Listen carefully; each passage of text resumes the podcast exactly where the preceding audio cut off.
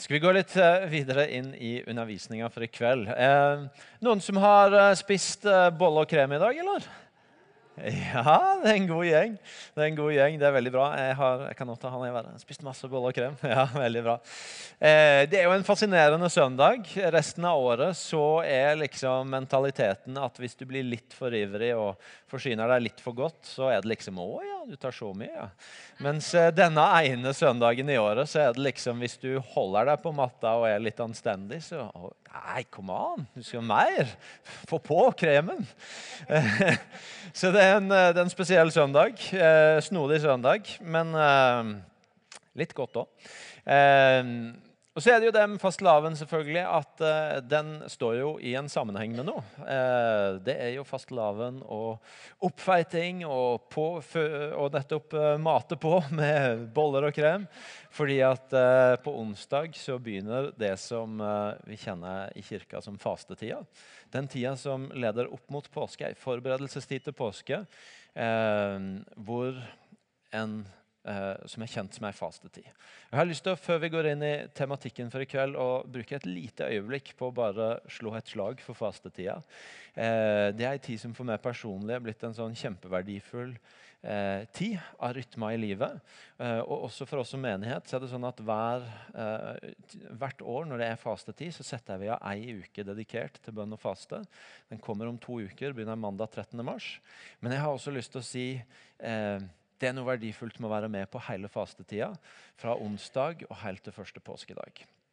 Jeg eh, skal ikke holde noe undervisning om faste nå, for det er masse en kan si om faste. Men en veldig enkel måte å si noe om det på er at i fastetida så sier han nei til noe for å si ja til noe annet, som er enda mer verdifullt. En sier gjerne nei til noe som eh, betyr litt for en, som koster en litt, som, eh, som en ja, kjenner litt i hverdagen sånn at den kan rydde plass til noe annet. Det, det, er jo sånn at det er fint å si nei til noe som, som, du merker litt at det er borte, og som gjør deg noe. Det er sånn for meg at eh, Jeg kunne jo sagt at nå skal jeg faste du vet all denne her konsumeringa og forbrukerkulturen. Så jeg, jeg faster fra klesshopping. Eh, men du vet, det hadde jo vært en lettelse. Det hadde jo vært så deilig å slippe å, slippe å gå inn i klesbutikker. Eh, at, eh, at det hadde jo ikke akkurat plaga meg så veldig. Derimot i fjor så var en av de par-tre ting jeg tok bort i, eh, i de, eh, denne tida opp mot påske, det var, var, kaffen min. Og De av dere som hører meg tale jevnlig, vet jo at min glede ved kaffe dukker jevnlig opp i talene mine. Det betyr en god del mer for meg. Og I fjor så hadde jeg den der opplevelsen sånn et par dager inn i fastetida hvor vi hadde besøk av noen hjemme. og de satt og snakka om noe utrolig bra som de hadde vært med på. Kjempebra, Guds rike ting de hadde vært med på et annet sted i verden. Og, og satt og fortalte om opplevelsen, om hva de hadde gjort. Og alt sånt. Og jeg tok meg sjøl i at det som satt og kjørte inn i hodet mitt, det var liksom Hvorfor i all verden sitter dere og gnåler om dette her til meg? Og liksom bare helt sånn eh, ja, Og så plutselig så skjønte jeg å ja, du har ikke hatt kaffe på to dager. Du er rett og slett dritsur. og, og, da begynner du å komme, da begynner du liksom å, å, komme kanskje i kontakt med ting som koster litt mer å gi fra deg. Og fastetid, da gir du fra deg noe som, som du gjerne kanskje har en binding til, eller avhengighet, eller, eller, som rett og slett bare betyr noe for deg. Og det er, det er ikke det at det å faste i seg sjøl bare handler om disiplin, om å si nei, om å, om å, ta bort noe for at det skal gjøre litt vondt. Eh, å være kristen handler mye mer om hva vi sier ja til, enn hva vi sier nei til. Men det er faktisk et poeng i seg sjøl å trene nei-muskelen vår litt. Fordi at en del av det å følge Jesus er også hvis ja-et vårt skal være helhjerta, og noen ganger si nei til ting. Noen ganger å si nei til ting som frister oss, som vi veit ikke er rett. Noen andre ganger å si nei fordi at Gud, Jesus leder oss inn i noe som gjør at vi må gi avkall på noe annet. Og Da er det noen ganger bra å ha trent nei-muskelen litt på noe en klarer, sjøl om det koster litt. Og Sånn sett så er det i seg sjøl å ha ei tid hvor en velger å avstå fra noe, det har en verdi. Så det å i denne tida si nei til noe det kan være, det er klart det at det, dypest sett eh, så eh, har faste noe med å si nei til mat å gjøre. Eh, og så vet jeg at mange av dere kommer ikke til å faste fra onsdag og til påske for all mat. Eh, men, det, men, dere kan velge noe av det. Men dere kan også velge andre ting som, som allikevel binder. Sosiale medier, alle disse her tinga vi stikker nesa vår i, og som vi ofte kanskje er litt mer avhengig av enn vi liker å innrømme. Eh, nevnte kaffe, andre ting. Jeg vet at eh, Kona mi sier at jeg vet jeg skulle fasta for brus, men jeg vet ikke om jeg tør. Eh, det kan være TV-serier, ting som fyller en, og som hvis du gir det fra deg, så åpner det opp for noe annet. Det vil jevnlig gi deg oppmerksomhet på noe annet. Men så er det altså også faste, ikke bare å si nei, men å si ja til noe. Og først og fremst å si ja til en større bevissthet om at Gud er nær, og om at han har en plass i livet ditt. Og Derfor er det viktigste du sier ja til i fastetida, det er å finne de der ekstra øyeblikka til å være i hans nærhet. Gjerne til å være stille for han, til å be, til å bare være og lytte.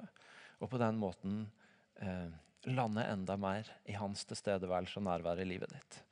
Og så kan det noen ganger være godt å ha noe som hjelper deg inn i det. Og Da kan det å bestemme seg for noe i Bibelen en ønsker å dykke litt spesielt inn i den tida. Lese evangeliene godt, velge et av brevene til Paulus, velge en, en bok og, og, og, på en måte være i den. Eller hvis du syns det hjelper Jeg bruker ofte å ha ei fastebok, ei, ei kristen bok, som, er, som, som, gjerne sier noe om det Jesus har gjort for meg, eller om bønn, eller som tar meg dypere på et vis eh, i den tida. Og Da er ikke poenget å lese mest mulig fortest mulig, men gjerne bare å lese litt hver dag. Men å synke inn i det og lande i det, ta det inn i seg. Så eh, jeg har bare lyst til å slå et slag for fastetida. Vurder når du går hjem i dag, om du innen en onsdag eh, For det første, på tirsdag så kan du hvis du vil og vil være liksom virkelig tradisjonen, da, så kan du kjøre på med enda en sånn gilde. For historisk sett så er det kjent som fete tirsdag. Så da kan du bare dra på igjen, men med noe annet enn boller. Men på onsdag så er det altså askeonsdag, og at du på onsdag kveld har bestemt deg for noe du vil si nei til, og noe du vil si ja til, sånn at denne fasen inn mot påske kan bli litt annerledes. Min erfaring har vært at det har vært en enorm verdi i å ha en litt annerledes tid gjennom året en tid som tar meg nærmere Jesus, som tar meg dypere om Han. Og også en tid som gjør at når påska kommer, så blir den rikere. Fordi at jeg har forberedt meg på en annen måte. Så hermed invitasjonen gitt til det, og til å koble seg på vi i et par uker også kommer en bønn- og fastuke i menigheten, som dere skal få høre mer om. Yes. Da skal vi begynne å snakke om det som er tema for i kveld, og som er kommet opp på skjermen, nemlig Guds familie. Vi har i denne menigheten forsøkt å fatte, sammenfatte eh, en sånn essens av kulturen vår, av noe av det som vi tror Gud har lagt ned her gjennom åra, og som er en kjempeviktig del av det han har gitt oss å være, i tre begreper. Jeg vet at vi vi favner ikke alt som skjer her, og alt vi er i de. Men det er et forsøk på å liksom, ta ut noe av essensen. Og Da snakker vi om, at, eh, om Guds nærvær, som ofte bruker å stå på toppen av den trekanten. Som handler om at Gud er levende og til stede i vår virkelighet. Han er en vi ikke bare kan ha kunnskap om, men kjennskap og vennskap med. Eh, og som er nær i våre liv. Og, og, og, vi er opptatt av den dimensjonen. Vi kan kjenne han, vi kan erfare han, vi kan ha en relasjon med han. Og så er vi opptatt av Guds godhet, som bruker å være på den andre sida av trekanten. når vi framstiller det, og som, og som, handler om at vi tror Gud har gitt oss et mandat til å, til å spre hans godhet til verden rundt oss. Vi tror at små ting gjort i kjærlighet kan forandre verden. Og at eh, enkle måter å vise hans godhet på betyr en forskjell i verden rundt oss. Vi tror at når mennesker får erfare at han griper inn på overnaturlig vis og helbreder eller gjør andre undre, så betyr det at mennesket får et nytt øyeblikk av hans godhet. Denne uka har eh, Solvår fortalt i formiddag at Akta bibelskolen vår har hatt fokus på helbredelse denne uka. og Ved slutten av uka var det sju stykker som sa at de hadde gjort en erfaring med helbredelse. Og Vi tror at sånne ting på, på, ute på lys i mørket, bussen som er i byen på natt til lørdag, så var det to stykker som opplevde helbredelse. Og I går var det mange som ble bedt for å oppleve endring på helbredelsesrommet. Og Vi tror at når sånne ting skjer, så er det en smakebit av Guds godhet. Og Vi tror selvfølgelig også at når vi forteller og forkynner evangeliet med ord, så får folk et, et møte med en som er god. Men så er det altså denne sida her, den tredje sida, som er snakker om Guds familie, som beskriver fellesskapet som menigheten er tenkt å være som en familie. Som noe mer enn en institusjon eller en organisasjon, men som en familie. Og Kanskje det er et begrep som eh, vel så mye som de andre to også noen ganger kan utfordre litt. Og kan være litt sånn, noe en må, må fighte litt med og komme til rette med. Av litt forskjellige grunner. Jeg vet at for noen så er det der Guds familiesnakket litt klamt. Litt tett, litt nært. Det er litt sånn at ja, jeg, har, jeg tror på Jesus, jeg har lyst til å gå i kirka. Jeg kommer gjerne hver søndag, og jeg kan godt smile og si hei og pludre litt med de jeg treffer på min vei inn og ut av kirka. Eh, og, og, og, det er fint og hyggelig, men, men, familie liksom så tett, så nært, det er litt, litt klamt. Eh, og en må liksom fighte litt med det.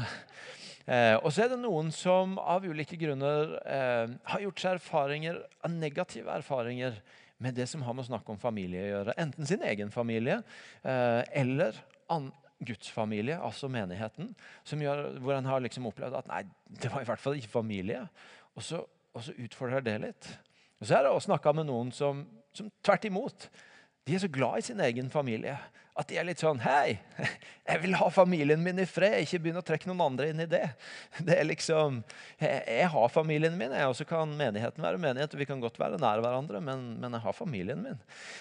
Og, så, kan det sikkert være andre ting òg som gjør at en må fighte litt med det begrepet. Men det er sånn at i Bibelen så beskrives de første kristne, den første kirka, så står det f.eks. om dem at hver dag møttes de både hjemme og i tempelet. Og Det står at trofast holdt de sammen og hadde alt felles. Det beskrives et utrolig nært fellesskap som legger en standard for det å ha et kristen fellesskap som er ganske høy. Og Det er sånn i Bibelen at det brukes dette her språket om Gud som far, om oss som sønner og døtre, som hans barn, som, som setter den settinga. Og så er det sånn, for Når Paulus skriver til efeserne, hvor han skriver om forholdet mellom jøder og hedninger, to folkegrupper som i den konteksten var vant til å være veldig adskilt. Så, så, trekker han inn dette begrepet. Han skriver ikke bare om hvordan gode naboer som er vant til å være gode venner og nær hverandre og ha mye likt, blir enda litt nærmere. Men han skriver om folkegrupper som er vant til å være veldig adskilt. Og så skriver han til dem derfor er dere ikke lenger fremmede og utlendinger. Nei, dere er de helliges medborgere og Guds familie. Han skriver om noen som er vant til å være adskilt, som er vant til adstand. Dere er ikke lenger fremmede. Dere er Guds familie. Og Det er konteksten for at vi, i erkjennelse av at noen ganger så utfordres vi av å tenke om eh, menigheten som familie, allikevel møter i Bibelen et bilde, en standard, noe vi trenger, og som Gud har sett at vi trenger, som faktisk handler om å være familie. Og Sist søndag så underviste Gry kjempeflott og ga oss et bilde av hva menigheten som familie kan være og er tenkt å være, og litt om eh, hvorfor det er viktig for oss. Og før jeg går videre og sier noe av det jeg hadde lyst til å si i dag, så, så har jeg lyst til at dere skal få møte før, dere møter flere av ordene og begrepene, at dere skal få møte litt kjøtt og blod. En, en helt konkret historie om hvordan menigheten som familie kan få bety en forskjell og bety en forvandling i et menneskes liv. Så dere skal få hilse på skjermen på ei flott dame som heter Inger, som har vært en del av menigheten vår de siste åra, og som går på Akta bibelskole akkurat nå. Vær så god. Jeg bor på Ålgård i egen leilighet. Og jeg er 28 år. Jeg har cerebral parese. Eh, den fikk jeg under fødselen. Eh, jeg fikk navlestrenger rundt halsen og mangel på surstoff som gjorde at jeg fikk hjerneskade til menighet med så stor fokus på helbredelse Det var jo litt spent på, på hvordan folk ville møte meg. om de ville springe meg ned og be for meg. Eh, men det opplevde jeg ikke. Jeg opplevde veldig respekt for den jeg var, og at folk så hjertet mitt og ønska å bli kjent med meg som person. Og anerkjente og gaver som Gud har lagt ned i meg. Når jeg ble forberedt, så var jeg òg i bl.a. en jobbsammenheng der jeg ikke fikk eh, være med og vise jobben utad. Og jeg ble veldig begrensa i hva jeg kunne gjøre. For jeg måtte ikke møte kunder for, for de kunne bli skremt. Så den lå litt i meg. Men å da få komme her og ikke møte noe av sånne fordommer Så det ble et utrolig viktig fristed for meg å kunne begynne i tjeneste. Og at folk anerkjente den jeg var. Noen ganger er jeg redd for avvisning. Eh, og da kan jeg bli litt reservert. Det, det har en sammenheng med ting som har hendt tidligere. Og, men ikke minst på ekte, så, så belyste Gud et område i, livet som jeg ikke hadde bearbeida helt ferdig. Og når jeg fikk jobbet gjennom det, så kjenner jeg jeg har fått en enda større frihet. Eh, I ungdomstida så stilte jeg spørsmål til Gud om hvorfor han ikke helbreda meg. Eh, og etter en stund så møtte Gud meg og sier Jeg har bruk for deg. Jeg har bruk for deg som du er. Og det var Det var veldig oppløftende.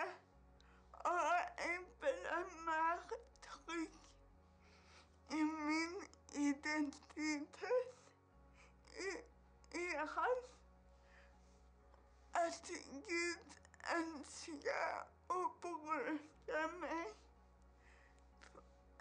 jeg. Det viktige for meg er, er å bli brukt av Gud og kunne velsigne andre. Om jeg kommer til å være funksjonshemmet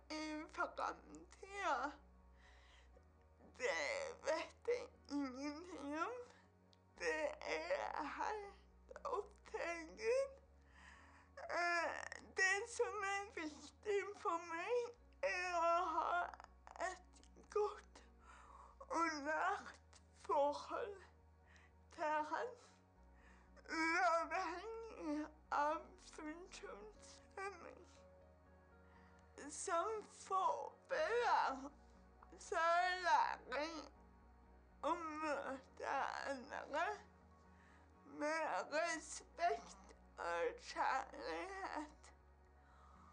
Og sånn opplever jeg òg å bli møtt av folk inni. At de møter meg med varme og kjærlighet. Og, og de ser meg, ikke hun med rullatoren.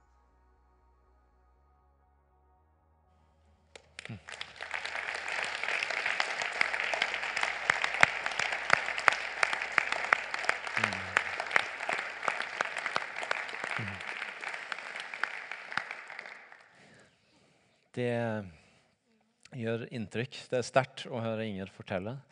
Det, det er sterkt fordi hun er den hun er, og forteller på den måten hun gjør, så ærlig og åpent eh, om den hun er, om det Gud har gjort i hennes liv. Og så gjør det inntrykk eh, fordi at eh, den gir et bilde av hva Guds familie kan være og kan bety.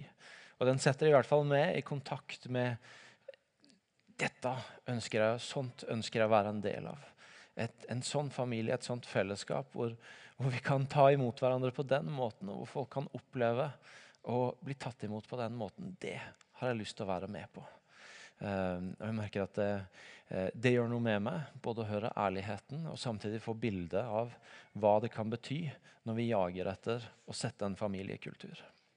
Og så er Det sånn, og det er en ting som jeg har lyst til ved det med familiekultur som jeg har lyst til å adressere litt i dag. fordi at når vi, når vi, på en måte enten vi hører bibelstedene eller hører historien som inspirerer, og vi på en måte griper at ja, familiekultur vil vi ha, det er på Guds hjerte, og det forvandler menneskers liv, så er det utrolig lett å bli veldig opptatt av de ytre tinga som skal skape en familiekultur de tinga vi må strukturere og ordne fram. Vi, blir, vi må ha mindre fellesskap. Vi må ha huskirker eller cellegrupper, steder hvor vi kan komme tettere på hverandre. fordi i dette rommet er vi så mange. Så vi må, vi må ha de stedene hvor vi kan komme nært og snakke mer åpent og bli bedre kjent med hverandre. Sånn at vi kan bli familie. Og vi må, vi må, sette en kultur, vi må, vi må, ta imot folk på en sånn måte at, at når en kommer hit, så føler en seg tatt imot, og at en kommer til et sted som har noe av varmen og preget av en familie. Så vi må servere kaffe på vei inn, og vi må hilse på, og vi må, må gjøre de tinga der. Og, og, og, lista kunne fortsette, ikke sant? Eh, og poenget mitt i dag er ikke å si at det ikke er viktig, at det ikke har en plass, at det ikke har betydning. For det har det. Jeg tror det har sin plass. Jeg tror det er viktig. Men, men, det er samtidig kjempeviktig for oss å få tak på at det er en komponent i det med familiekultur og det med eh, å, å, å bli Guds familie som ikke kan organiseres utenfra, men som handler om en forvandling som må komme innenfra i den enkelte av oss. Det er noe som ikke handler om rammene vi setter, men om det Gud får gjøre på innsida i den enkelte av oss, som er fundamentet for at det vi får gjøre sammen i ulike former utad, faktisk blir en familiekultur. Paulus han skriver til romerne eh, i kapittel 8. Alle som drives av Guds ånd, er Guds barn. Dere har ikke fått den ånden som slavene har, så dere igjen skulle være redde. Nei, dere har fått Ånden som gir rett til å være Guds barn. Den som gjør at vi roper 'Abba, far'. Ånden sjøl vitner sammen med vår ånd om at vi er Guds barn. Dere har fått Ånden som gir rett til å være Guds barn. Den som gjør at vi roper 'Abba, far'. Jesus sier til disiplene det er bra for dere at jeg går bort, for da kommer det en dere trenger, Den hellige ånd, talsmannen, hjelperen deres, som skal hjelpe dere å få tak i og leve i det livet jeg har gitt og gir dere. Og Når Paulus skal beskrive noe av det viktige denne talsmannen, denne hjelperen, denne advokaten vår som, som kjemper på vårt lag for oss, gjør, så sier han han hjelper dere til å forstå at Gud er far. Han hjelper dere til å ikke opptre som om dere er fremmede eller tjenere eller bare arbeidere for Gud, men, men og, og faktisk ikke til og med heller ikke bare venner, men at dere er Guds barn. Denne hjelperen dere får, hjelper dere til å si 'pappa' til Gud. Han hjelper dere til å forstå hvem dere er overfor Han. Det er faktisk sånn at vi kan si ja til Jesus og, og få en kunnskap om hva det betyr, og hva det gir oss. Men, men dette viser oss at det faktisk ikke er en selvfølge at vi allikevel at det får lande i hjertet vårt, og at vi får helt tak i hva det er. Det er noe ved livet med Han som vi trenger hjelp av Den hellige ånd for å få tak i. At vi er Hans barn. At vi har vår trygghet og vår verdi og vår eh, sikkerhet i møte med verden rundt oss. Ikke i alt som kommer utenfra, men i det livet som kommer innenfra. Ved at Den hellige ånd hjelper oss til å se hvem vi er. Jo, jeg er sønn av Gud. Jeg er datter av Gud. Jeg vet hvem jeg er fordi jeg vet hvem som er faren min. Og Det kan faktisk ikke struktureres fram av noen ytre rammer, men det er noe som må komme innenfra, som må fødes innenfra i hver og en av oss. Og som, og som Paulus sier, Den hellige ånd hjelper oss til å la det skje. For det er faktisk sånn at Hvis det med familiekultur blir at alle vi som er i dette rommet, har hørt at på IMI så vil de ha familiekultur, møter opp på IMI og sier ja, ok, vis meg nå hva jeg får i denne familien. Vis meg nå hva det vil si at dere er en familie jeg kan komme inn i. Hva, hva har dere å gi meg? Og så blir vi en gjeng som, som vil ha noe. Som vil ha noe ut av familien. Så kan vi lage så mange greier vi vil. Men jeg kan ikke love at det blir familie. Fordi det er én komponent som mangler, og som bare kan fødes innenfra. Nemlig at det er noen i det rommet som veit hvem de er og som er hele fundamentet for å kunne ha en Guds familie. Nemlig noen som veit ah, Gud er min pappa. Jeg er sønn. Jeg har min trygghet, min verdi, min ro i møte med det som skjer rundt meg. Fordi jeg veit hvem han er, og jeg veit hvem jeg er fordi jeg er hans barn. Og Det er så viktig for oss å få tak i at i alt det vi gjør på utsida, så er det noe som må fødes på innsida for at det skal bli familie. Um, og det som skjer Se f.eks. på Josef i første Mosebok. Denne unge mannen som, som, vet hvem han er i Gud. Han får en drøm som profetisk forteller han Gud, hvordan Gud ser på ham, hvilke planer han har for ham, hvor høyt han setter Josef. Og Så forvalter ikke Josef det spesielt smart og modent, og så ender han opp som på mange måter er fanga og fremmed i fiendens hule i Egypt. Og så og så er det to historier i, i første Mosebok 40 og 41 hvor, hvor, hvor, Josef kommer i en posisjon hvor, han, hvor de rundt han har et problem. De har drømt noe de ikke forstår, og de er veldig oppsatt på å forstå det. Og så har Josef, fordi om han har hatt sin umodne måte å gå fram på, alt det der, så har han denne vissheten om at Gud er den han er, og, og jeg kjenner han. og Jeg vet hvordan han ser på meg. Og så sier han bare i møte med det ja, men dette er jo opp til Gud å ordne. Dette vet jo Gud hvordan skal løses. Og Så, han, så ber han til Gud, og så går han rett inn, og så, og, så, og så, har han det svaret som de andre leiter etter. Og så blir han satt i en posisjon hvor han fortjener å bety noe inn i det som egentlig er fiendens hovedkvarter, og som egentlig er veldig fremmed land for han. Og Så får han begynne å sette en annen tone og kultur på et sted hvor han egentlig var en fange, hvor han egentlig var en fremmed, og hvor han egentlig ikke hadde noe han skulle sagt. Poenget er hvis jeg og du bærer med oss vissheten om hvem vi er i Han, hvis jeg og du vet at verdien vår kommer primært fra det, så er faktisk jeg og du fri til å gå inn i ethvert rom som en sønn eller datter og vite at dypest sett så trenger jeg ingenting i dette rommet. For jeg har alt jeg trenger fordi jeg har pappa i himmelen. Og Det betyr at jeg og du er fri til å gå inn i det rommet og tjene. Har ingenting å bevise. Trenger ikke posisjonere oss, trenger ikke plassere oss, men vi kan, vi kan grunnleggende bare vite at nei, men jeg er trygg, jeg har det jeg trenger. Jeg. Så jeg kan begynne å se på hva de andre trenger. Så kan jeg gå inn og tjene. Og så kan jeg faktisk begynne å sette en, en smak av familie, en kultur av familie. Uansett hvilket rom det er. Så lenge jeg går inn der med vissheten om hvem jeg er, fordi jeg veit hvem pappaen min er. Og det er en komponent i familiekultur som, som, på en måte tar oss litt forbi rammer, strukturer og, og ja, hvem er åndelige mødre og fedre her, og hvem er sønner og døtre, og hvordan er nå alt dette opplegget her? Nei. det fødes i at du vet at du er en sønn eller datter av han. Og så settes alle de andre tinga ut fra det. Og er egentlig litt sånn kommer, kommer i neste, neste rekke. Så viktig for oss å få tak på, og samtidig så mange muligheter i.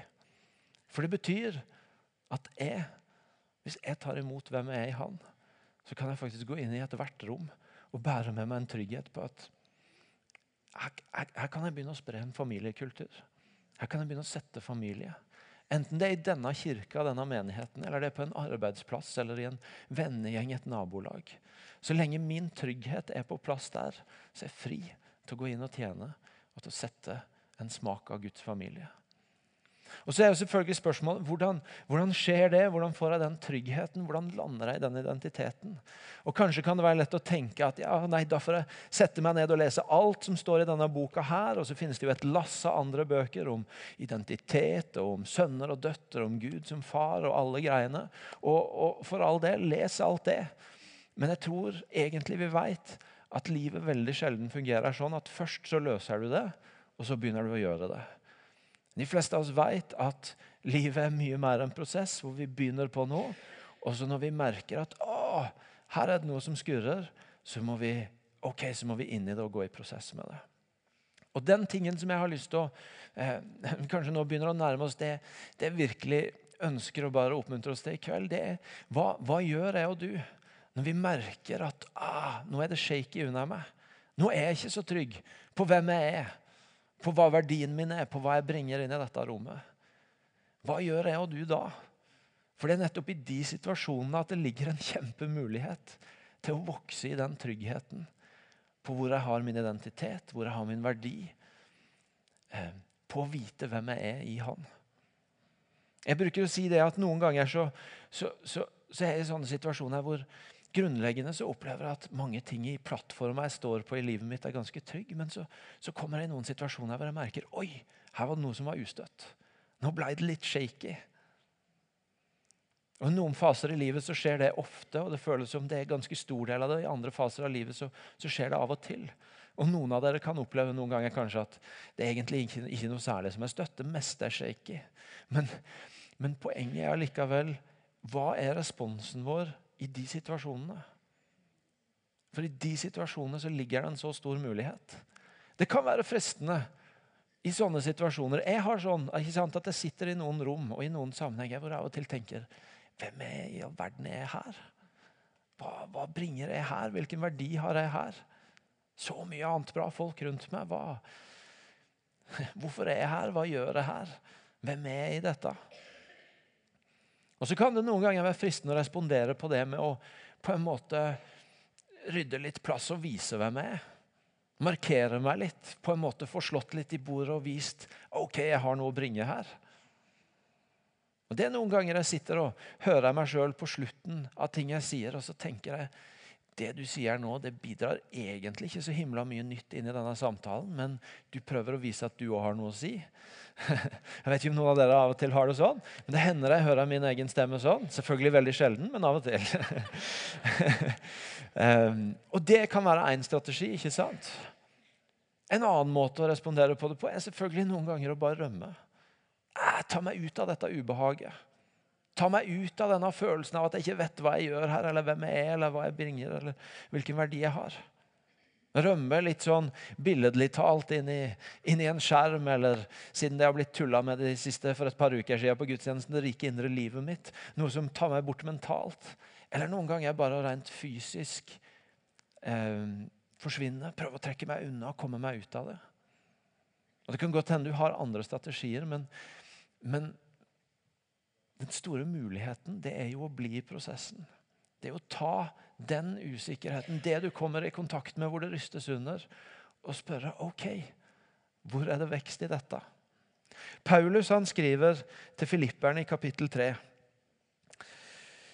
Ytre sett har jeg grunn til sjøltillit. Om andre mener de kan sette sitt lit til det ytre, så kan jeg det enda mer. Så han, Paulus han veit at han kan godt ruse fram og markere seg for å vise hva han har å bringe på banen. Han fortsetter med å ramse opp hva det er om hans rettroenhet og brennende ivrig forfølger av kirka, uklanderlig i min rettferdighet etter loven. Men så sier han noe spennende. Men det som før var en vinning for meg, det regner jeg nå for Kristi skyld som tap. Jeg regner alt som tap fordi det å kjenne Jesus, min Herre, er så mye mer verdt. For hans skyld har jeg tapt alt, og alt jeg har tapt, regner jeg som verdiløst skrap. Bare jeg kan vinne Kristus og bli funnet i Han. Ikke med min egen rettferdighet, den som loven gir, men med den rettferdigheten jeg får ved troa på Kristus. Paulus sier, 'Jeg veit at jeg kan komme inn', og ytre sett så kan jeg bare markere meg og få, meg, få, få min plass og gjøre det med rette. Men jeg har faktisk erfart at det er verdt for meg å gi slipp på det og tape det og regne det som tap. Fordi den tryggheten jeg får av å vite hvem jeg er i Han, som gjør meg rettferdig istedenfor at jeg skal prøve å gjøre meg sjøl rettferdig, det er så uendelig mye bedre. Det er så mye mer verdt. Og så sier han jeg mener ikke at jeg alt har nådd dette, eller alt er fullkommen, men jeg jager fram mot det for å gripe det, fordi jeg sjøl er grepet av Kristus Jesus. Mine søsken, jeg tror ikke om meg sjøl at jeg har grepet det, men én ting gjør jeg. Jeg glemmer det som ligger bak, og så strekker jeg meg etter det som er foran. Og jager fram mot målet, mot den seiersprisen som Gud fra det høye har kalt oss til i Kristus Jesus. Når vi merker at det er shaky, så er den store muligheten å ikke verken løpe foran og redde det sjøl, eller å rømme fra det, men å bli i prosessen. Akkurat som Paulus sier. Jeg, jeg blir i det. Jeg tror ikke jeg har gløpet alt, men jeg blir i det. Jeg strekker meg mot det. Tåle å være i det ubehaget. Tåle å kjenne på den usikkerheten. Og så, nummer to, bringe det inn for Gud. Og spørre hva har du å si til meg? Jeg trenger å høre din stemme. Jeg trenger å høre du si hvilken verdi jeg har her. Jeg trenger å høre du si hvorfor jeg er her, hva jeg gjør her, hvem jeg er her. I stedet for å rømme fra det, i stedet for å finne på det sjøl, så bli værende i ubehaget og si, be Gud, du må fortelle meg. Du må si meg hvem jeg er. Du må si meg hvilken verdi jeg har. Det aner jeg meg at når Ingjerd forteller om at hun i tenåra kjempa med Gud, så var ikke det noen øyeblikk en ettermiddag, og så kom det et ord, og så var alt greit. Det aner jeg meg at ingen har våget å stå i et ubehag hvor det har vært noen ting som har vært krevende for henne. Men hun har blitt der lenge nok til at hun har hørt Guds stemme si 'Jeg har bruk for deg'. Jeg har bruk for deg sånn som du er. Og Så har det gitt henne en helt annen frimodighet enn om hun sjøl skulle funnet orda. Eller om hun hadde rømt fra det. Til å kunne si at det som betyr noe for meg, det er å kjenne Han og være til velsignelse for andre. Du må bli i ubehaget, og så må du bringe det inn for Gud, så han får tale og si noe om hvem du er. Og Det tredje jeg har lyst til å foreslå for deg, er åpne deg opp for noen andre om det. Sånn blir vi faktisk familie med hverandre når vi våger å gå forbi de overfladiske tinga og inn i den grunnleggende sårbarheten på at nå kjemper jeg med fundamentet mitt. Nå kjemper jeg med det som er shaky rundt meg, og jeg vet ikke helt hvem jeg er, og hva jeg betyr inni dette. Det er en som har sagt om det kristne fellesskapet at hvis det skal bli familie, hvis det skal bli et sant kristen fellesskap, så trenger det å være et fellesskap hvor vi gjør oss avhengige av hverandre. Hvor vi faktisk trenger hverandre. Vi kan bli forelska i ideen om fellesskap og Guds familie og, og de tinga der. Men vi vil ha det på en sånn måte at det er kjekt å kjenne at en har folk rundt seg. Men en skal helst klare seg sjøl. Men det dype fellesskapet det oppstår først når vi stiller oss i den posisjonen hvor vi faktisk trenger den andre. Hvor jeg får kjenne at du trenger meg, og hvor du merker at jeg trenger du. Og Da må vi nettopp i de situasjonene våge den sårbarheten, våge den ærligheten og noen ganger la den stemmen vi ikke hører sjøl fra Gud, få komme fra noen andre. For noen ganger er det også det som skjer. Inger har hørt Gud, men hun har også opplevd verdien av at noen andre bekrefta det. Hun har opplevd kontrasten av når noen andre avkrefta det og sa vi må gjemme deg bort, så ikke du blir sett. Men hun har opplevd verdien i noen som sa nei, vi skal ikke gjemme deg bort. Men du skal være med, og du skal bruke gavene dine. Da erfarer vi familie. Så det, det jeg har lyst til å egentlig invitere deg til i kveld, utfordre på i kveld, det er Hvis jeg og du vil ha Guds familie, så må vi også etterjage den komponenten i det som blir født innenfra. Og Da er en grunnleggende ting hva jeg og du gjør når vi kjenner at det begynner å, å bli ustøtt under oss. Bli værende i det. Bring det inn for Gud. Åpne opp for noen mennesker rundt deg. Det kan være i huskirka eller cellegruppa di. Det kan være for forbederne her sånn etter gudstjenesten. Det kan være noen du er trygg nok på i kafeen etterpå. Men våg å åpne opp, og la noen andre få slippe inn i det. I det så ligger det en kjempemulighet for å sette en familiekultur som kommer innenfra, og som er mulig å leve ut i alle mulige sammenhenger. Skal vi reise oss opp og be sammen?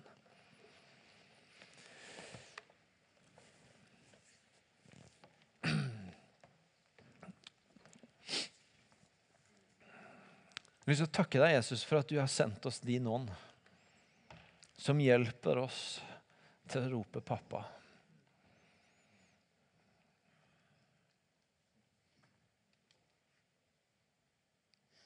Jeg har lyst til å takke deg, Hellige Ånd, for at du er den som, når vi begynner å kjenne at det rystes under oss, så er du den som bare drar oss lenger inn i hva det vil si å rope 'pappa'.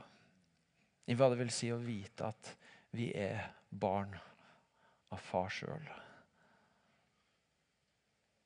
Og Jeg har lyst til å be deg om at du nå, Hellige Ånd, bare begynner å minne oss om og, og tydeliggjøre for oss noen av de punkta vi kanskje står i nå i livet vårt, hvor det er litt shaky under oss. Sånn at vi får klarhet og ro til å invitere du inn i det. Og til å vokse i dybde og erkjennelse av hva det vil si å være sønn og datter og ha sin verdi ut fra det.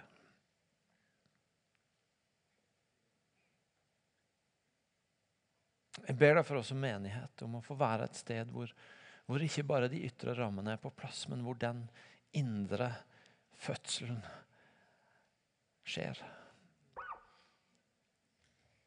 Jeg ber deg om å få være et sted hvor, hvor historien til Inger ikke bare er en, en, en unntakshistorie, men en normal historie. Om hvordan fellesskapet blir stedet hvor en, hvor en merker at Oi, her var det plass for meg. Her blir det Gud har sagt om meg, bekrefta av det andre sier om meg, og måten de behandler meg på. Jeg ber deg om Jesus.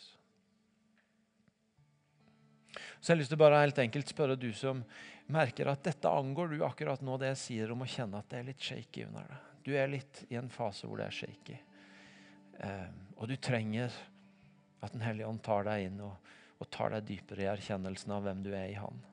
Kan ikke du bare gi Han i været, og så skal vi be enkelt for deg før vi går videre. Mm.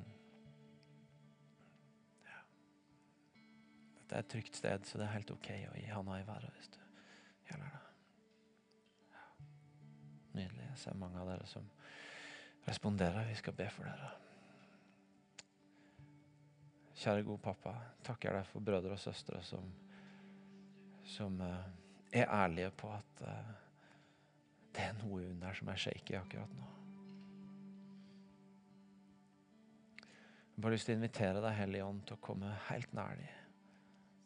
Og til å skape på innsida dem en, en, en, enda en ny og en dypere erkjennelse av, av hva det vil si å være barn av den største pappaen som fins. Hva det vil si å være elska av han. Hva det vil si å ha sin verdi i han. Jeg ber deg, Hellige Ånd, om at i de, denne kvelden, dette øyeblikket, men også i dagene som kommer, så skal du bare ta dem inn i den prosessen hvor det blir naturlig for dem på den ene sida å si 'pappa', og på den andre sida å gå inn i de situasjonene hvor de kjenner at det er ustøtt, og merke at 'oi, jeg har en ny trygghet med meg', fordi jeg har en ny erkjennelse av hvem jeg er.